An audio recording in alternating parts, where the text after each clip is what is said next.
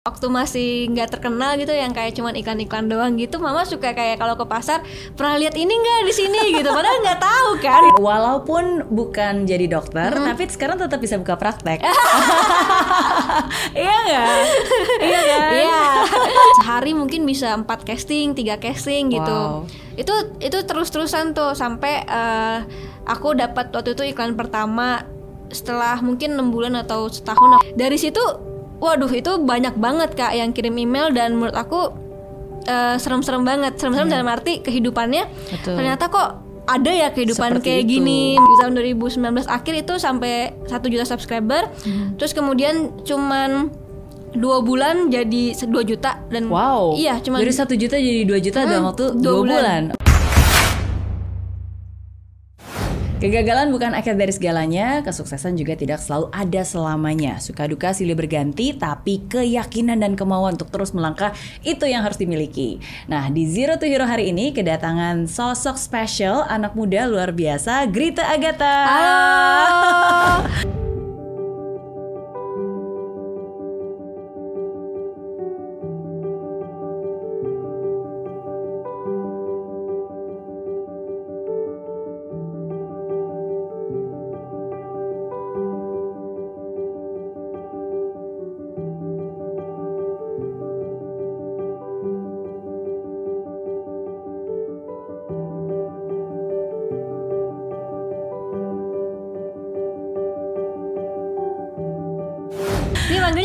Miss atau Kakak? Boleh, bebas, Apa? sesukanya. Aduh, aku deg-degan. Aduh ya, aku thank you banget uh, Grita sudah meluangkan waktu untuk hadir di sini. Thank you juga udah diundang ke sini. Sama-sama. Em, banyak banget nih. Aku aku baca dan aku lihat uh, banyak banget yang sudah Grita lakukan uh, dari s- aktris, em, influencer, produser. Uh, bisnis juga ya kan? Uh, banyak banget. Dan semua itu dicapai di usia yang sekarang masih muda sebenarnya. Iya, tapi kalau dibilang muda nggak juga lah, aku udah 24 tahun.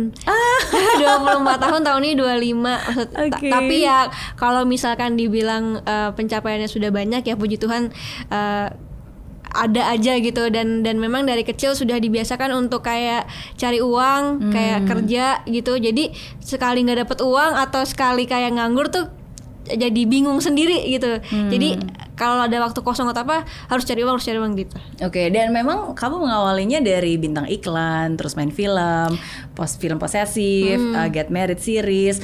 Uh, tapi di awal kalau saya dengar-dengar emang sebenarnya bukan cita-cita pengen jadi artis sebenarnya. Hmm, gimana ya? Aku kan dari kecil nih, Kak, dari kelas 3 SD ya. Jadi dulu uh, awalnya itu waktu kelas 3 aku disuruh casting iklan sama uh, tante iparku yang kebetulan memang dia produser iklan. Jadi memang coba nih ada casting buat anak uh, umur 8 tahun. Casting aja. Terus ternyata mama papa anterin waktu itu terus anterin waktu itu buat susu dan kau jadi yang Oke. Aku dan kau suka, Suka dan dan kau kau, iya. nah itu itu itu casting pertama aku Heeh. tapi eh, bukan karena tante produser akhirnya aku masuk iklan itu aku nggak masuk Mhm. jadi cuman pertama kali casting dan di casting itu kan eh, biasanya kalau iklan dulu tuh banyak agensi-agensi cabutan Ya. yang standby di lok di lokasi casting terus kemudian Hmm. lihat aku terus kemudian minta nomor teleponnya terus dia selalu beberapa lah kalau agensi tuh banyak banget jadi mereka selalu eh, kasih info tentang casting casting gitu Hmm. Nah dulu waktu masih SD itu papa eh, setia gitu nganterin aku casting kayak eh, sehari mungkin bisa empat casting, tiga casting gitu. Wow. Itu itu terus terusan tuh sampai eh, aku dapat waktu itu iklan pertama setelah mungkin enam bulan atau setahun aku lupa akhirnya eh, iklan pertama eh, waktu itu iklan So Good kalau nggak salah So Good Sosis. Eh, Dulu sogut apa sih? Oh, iya, nugget, nugget, oke. Sosis cuman aku yang nuggetnya tuh. Heeh.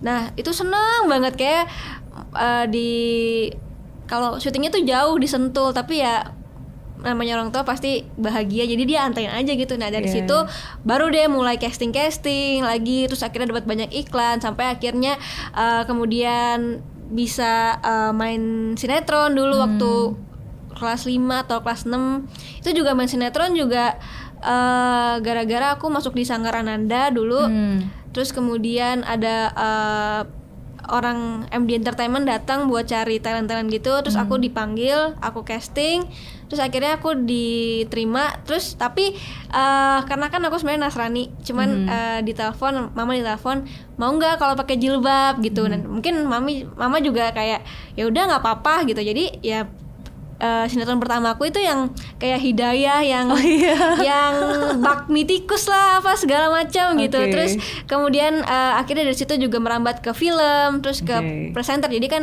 ininya semakin banyak gitu terus kemudian akhirnya sampai di titik eh, Get Married the series itu di mana Hmm. eh, selama 2 tahun aku di Get Married series eh, harus potong rambut pendek Hmm. harus jadi tomboy terus eh, dari situ baru eh, jalannya kebuka lah dan itu sebenarnya lama sih dari kelas 3 SD sampai 3 SMP tuh ya gitu-gitu aja tapi Iya. terus terus jalan aja gitu Oke, dan awalnya mungkin bukan cita-cita karena memang belum tahu dunianya, tapi lama-lama jadi jatuh cinta. Eh, kalau dibilang cita-cita tuh gini kak pasti kan kalau anak kecil kalau cewek jadi dokter gitu Iya. atau dan mama juga kebetulan apoteker jadi dia pengen banget punya anak yang dokter gitu terus eh eh, tapi karena aku dari kecil juga di dunia entertain Mhm. jadinya kayak mungkin ada rasa suka juga ya suka cinta gitu sama Iya. jadi nggak ada beban gitu dari aku untuk untuk kayak syuting pulang pagi terus harus sekolah juga itu buat aku Hmm. nggak ada beban dan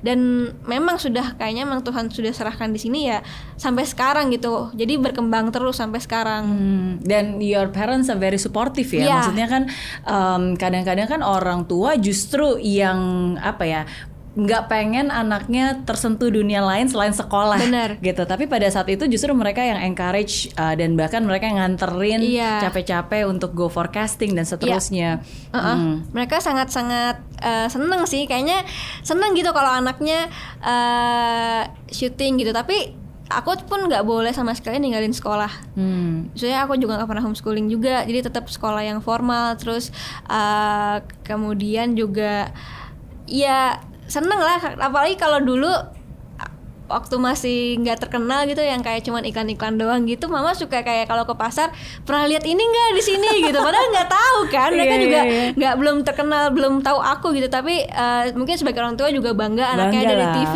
jadi pasti. mereka kayak gitu. Walaupun kalau itu kan malu ya sebenarnya tapi ya well itu mungkin orang tua ya kayak gitu Oke, itu juga satu hal yang kita syukuri ya ketika Iya. kita punya orang tua yang bukan hanya mengerti kita tapi uh, mensupport kita Hmm. dan dan kalau rasanya dibanggain sama orang tua tuh pasti ada kebanggaan Iya. tersendiri. Terus mama juga pernah bilang gini ke kan dulu dia pengen banget aku jadi dokter. Mhm. I- eh, terus akhirnya abis aku ambil desain grafis, terus aku mulai ya mulai mulai terkenal lah ya. Iya. Dia pernah bilang gini, eh, kalau dokter eh, ke pedalaman kalau nggak pakai baju dokter orang itu nggak bakal tahu kalau dia dokter tapi kalau kamu ke pedalaman lihat muka aja mereka udah tahu kalau kamu artis gitu jadi Hmm. itu juga oh ya udah berarti eh, mama juga benar-benar dukung aku sih untuk itu Iya, dan walaupun bukan jadi dokter, Mm-hmm. tapi sekarang tetap bisa buka praktek.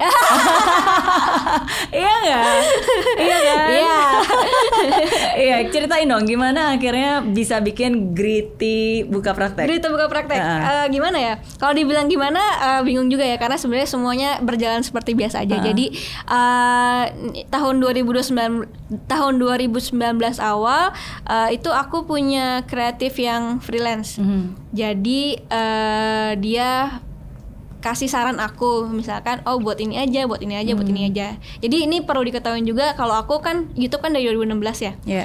tapi di tapi aku benar-benar kayak cuman yang pengen buat ya buat gitu. Iya. enggak ya enggak karena aku masih kuliah juga dan masih uh, syuting-syuting juga. Jadi kayak apa pun aku buat aku nggak benar-benar nggak serius di YouTube gitu. Sampai di 2019 kayaknya kok aku pengen ya serius di YouTube gitu nah aku ada uh, freelance Kenapa kreatif. pengen serius? Kenapa mendesain pengen serius di YouTube tahun 2019? Eh, karena yang pertama eh, gimana ya mungkin kalau di TV aku juga nggak bisa nunggu terus ya kak. Kalau di TV kan aku casting akhirnya terus aku nunggu mereka untuk kasih kerjaan ke aku gitu. Terus eh, kalau begitupun film ya. Tapi eh, aku memang suka acting gitu aku memang cinta acting gitu. Tapi ah, itu tadi aku kalau kosong aku bingung harus ngapain gitu. Jadi aku terus terus cari cari cara Harus biar produktif harus lah, produktif cari betul. cara cari cara gitu. Nah YouTube ini kayaknya uh, semakin ke sini semakin bagus dan semakin lumayan gitu. Dan banyak uh, youtuber-youtuber juga uh, menggantungkan diri di YouTube gitu istilahnya banyak duitnya di YouTube gitu Hmm. Betul. ya. Jadi aku uh, coba untuk oh mungkin bisa ya serius di sini gitu. Nah aku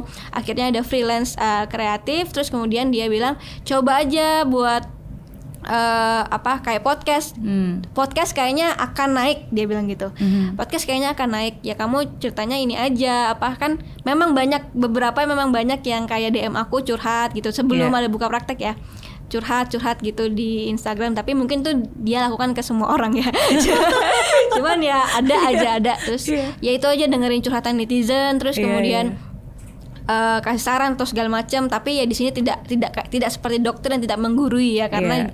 eh, lebih lebih kayak kasih wadah buat cerita aja terus dia Oke. juga yang kasih nama itu tuh kayak eh, apa namanya namanya Gerita buka praktek aja. Oh itu menarik ya. Terus ada sebenarnya tagline tagline cuman nggak aku pakai gitu. Cuma, Apa tagline-nya?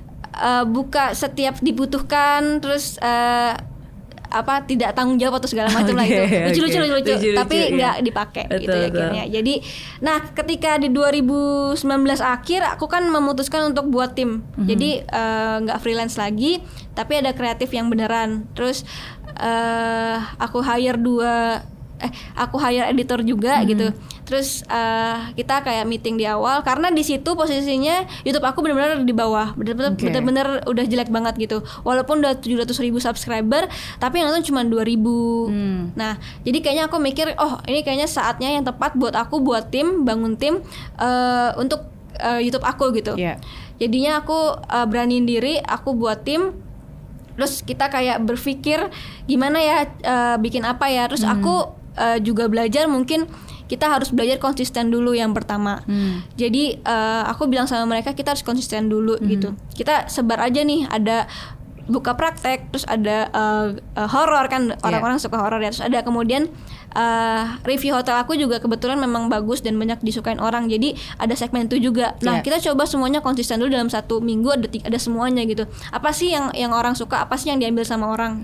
Jadinya semuanya eh, aku sebarin eh, di bulan Oktober 2019 itu disebarin semua setiap setiap minggu ada.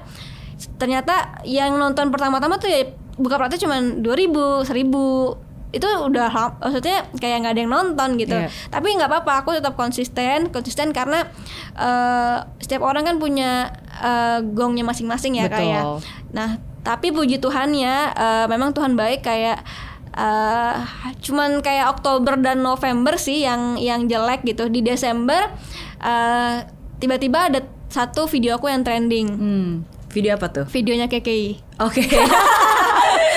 Jadi aku eh, kenapa ya? Aku sayang banget sama KKI Oke, seriusan. Jadi waktu itu KKI datang diundang mau, terus akhirnya trending 2 Aha. Trending 2 dan itu benar-benar ngerubah semua eh, hidup aku jujur Oke. aja.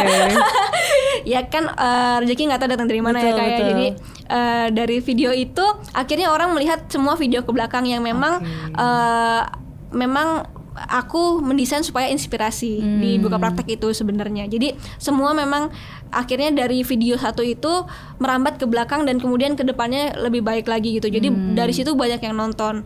Mau dari uh, episode uh, buka prakteknya terus kemudian gaib juga sudah ada uh, uh, penontonnya sendiri dan Hmm. review hotel pun ada sendiri. Semuanya naik dan akhirnya di tahun 2020 eh sorry di tahun 2019 akhir itu sampai satu juta subscriber Hmm. terus kemudian cuman dua bulan jadi 2 juta dan Wow. iya cuman dari satu juta jadi dua juta dalam Hmm, waktu dua, bulan. Oke. Eh, dua, dua bulan dua bulan eh, dua juta terus kemudian sampai sekarang gitu jadi Oke.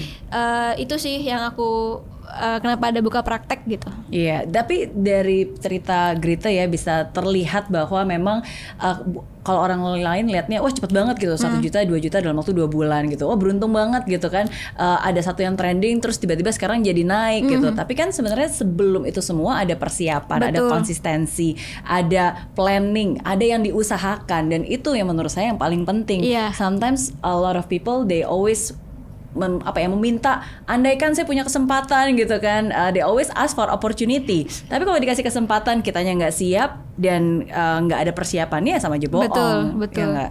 iya iya tapi tapi luar biasa banget sih maksudnya ketika uh, pertama kali aku tahu Grita buka praktek aku tuh pikir kamu punya background psikolog nggak ada. Iya ada. kan? Bener. Nah, tapi justru itulah yang mungkin membedakan ya Iya. ketika kamu bilang ada banyak orang yang DM dan kamu berpikir oh ya kayaknya dia juga DM-in banyak orang juga. Itu kan menunjukkan bahwa mungkin banyak orang pengen Ya cerita. sebenarnya mereka pengen cerita aja sih kak. Jadi kalau ada wadahnya eh, kayaknya lega aja gitu. Banyak kok yang kan kasusnya serem-serem ya. Iya. Jadi di buka praktek ini juga aku juga sebenarnya sama tim juga bener-bener bersyukur dan belajar gitu. Kita kan nggak tahu ya. Awal-awal kita cuman kayak manggil orang yang Iya. yang ceritanya biasa tapi bisa menginspirasi. Tapi dari situ kan karena aku selalu call to action buat mereka kalau misalkan mau cerita silakan eh, kirim email gitu. Iya. Dari situ waduh itu banyak banget Kak yang kirim email dan menurut aku eh, serem-serem banget. Serem-serem dalam arti kehidupannya Betul. ternyata kok ada ya kehidupan Seperti kayak itu. gini dan mereka benar-benar kayak eh, ada beberapa yang dipanggil dan ketika selesai dipanggil mereka kayak eh, thank you dan dia ya cukup dengan dia meluapkan aja tuh dia udah mengurangi eh, stres dia Iya. gitu itu yang yang aku benar-benar bersyukur dari konten aku mereka bisa bisa punya wadah tersendiri gitu mungkin kadang mereka kayak eh, bingung ya mau cerita ke siapa Iya. Paling banyak nih status yang kayak pelecehan Iya. atau pemerkosaan gitu. Eh, waktu once aku sekali angkat eh, itu banyak yang akhirnya eh, nge-email aku juga, aku juga, aku juga Hmm. dan mereka cerita juga gitu. Terus ada juga dengan kasus kan eh, pelecehan kan eh, akhirnya mungkin harus sama aku speak up kan. Iya. speak up. Dan akhirnya banyak dari teman-teman juga yang yang nonton gitu dia bisa speak up juga. Karena melihat kayak gue harus speak up karena karena nonton video aku. Ada juga yang teman aku eh, teman jauh aku sih aku cuman kenal aja gitu eh, dia sempat WhatsApp aku juga kayak eh, Great thank you ya atas video lo eh, keponakan gue. Akhirnya ngaku kalau dia pernah dilecehkan sama omnya gitu. Jadi hal-hal itu yang buat aku oh ternyata eh, konten gue bisa berguna juga ya Iya. buat orang gitu walaupun kecil banget gitu Oke, oke. Tapi sometimes kadang-kadang hal yang kecil itulah yang dipakai Tuhan untuk menjadi sesuatu yang Benar. besar. Dan sometimes kita nggak boleh mengecilkan hal-hal yang kecil ya. Benar. Justru karena hal yang kecil itulah yang matters gitu. And and I think it's very beautiful bahwa uh, ya inspirasi itu bukan didapatkan dari kesempurnaan yang keren, yang bagus, yang sukses, tapi sering kali orang tergerak dan terinspirasi dan jadi berani Ya. karena mereka melihat wow dia aja melalui itu. Atau mungkin dia melihat bahwa oh ada bagian dari kita yang yang ada di orang itu dan dia aja bisa berhasil dia aja berani ya berarti mungkin saya juga harus bisa lebih berani. Benar. gitu. So uh, ya seperti saya bilang walaupun bukan dokter tapi banyak mengobati.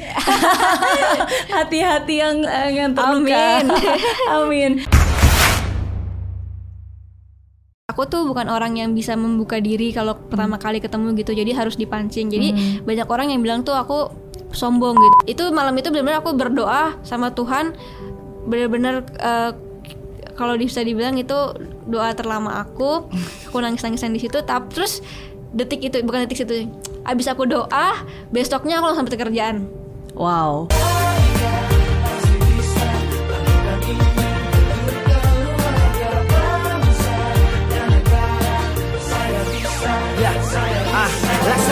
bumi tanpa hujan, hidup tanpa tujuan, kering dan mati tanpa hijaunya tumbuhan. Ah, demikian kalau mimpi tak kunjung terjadi.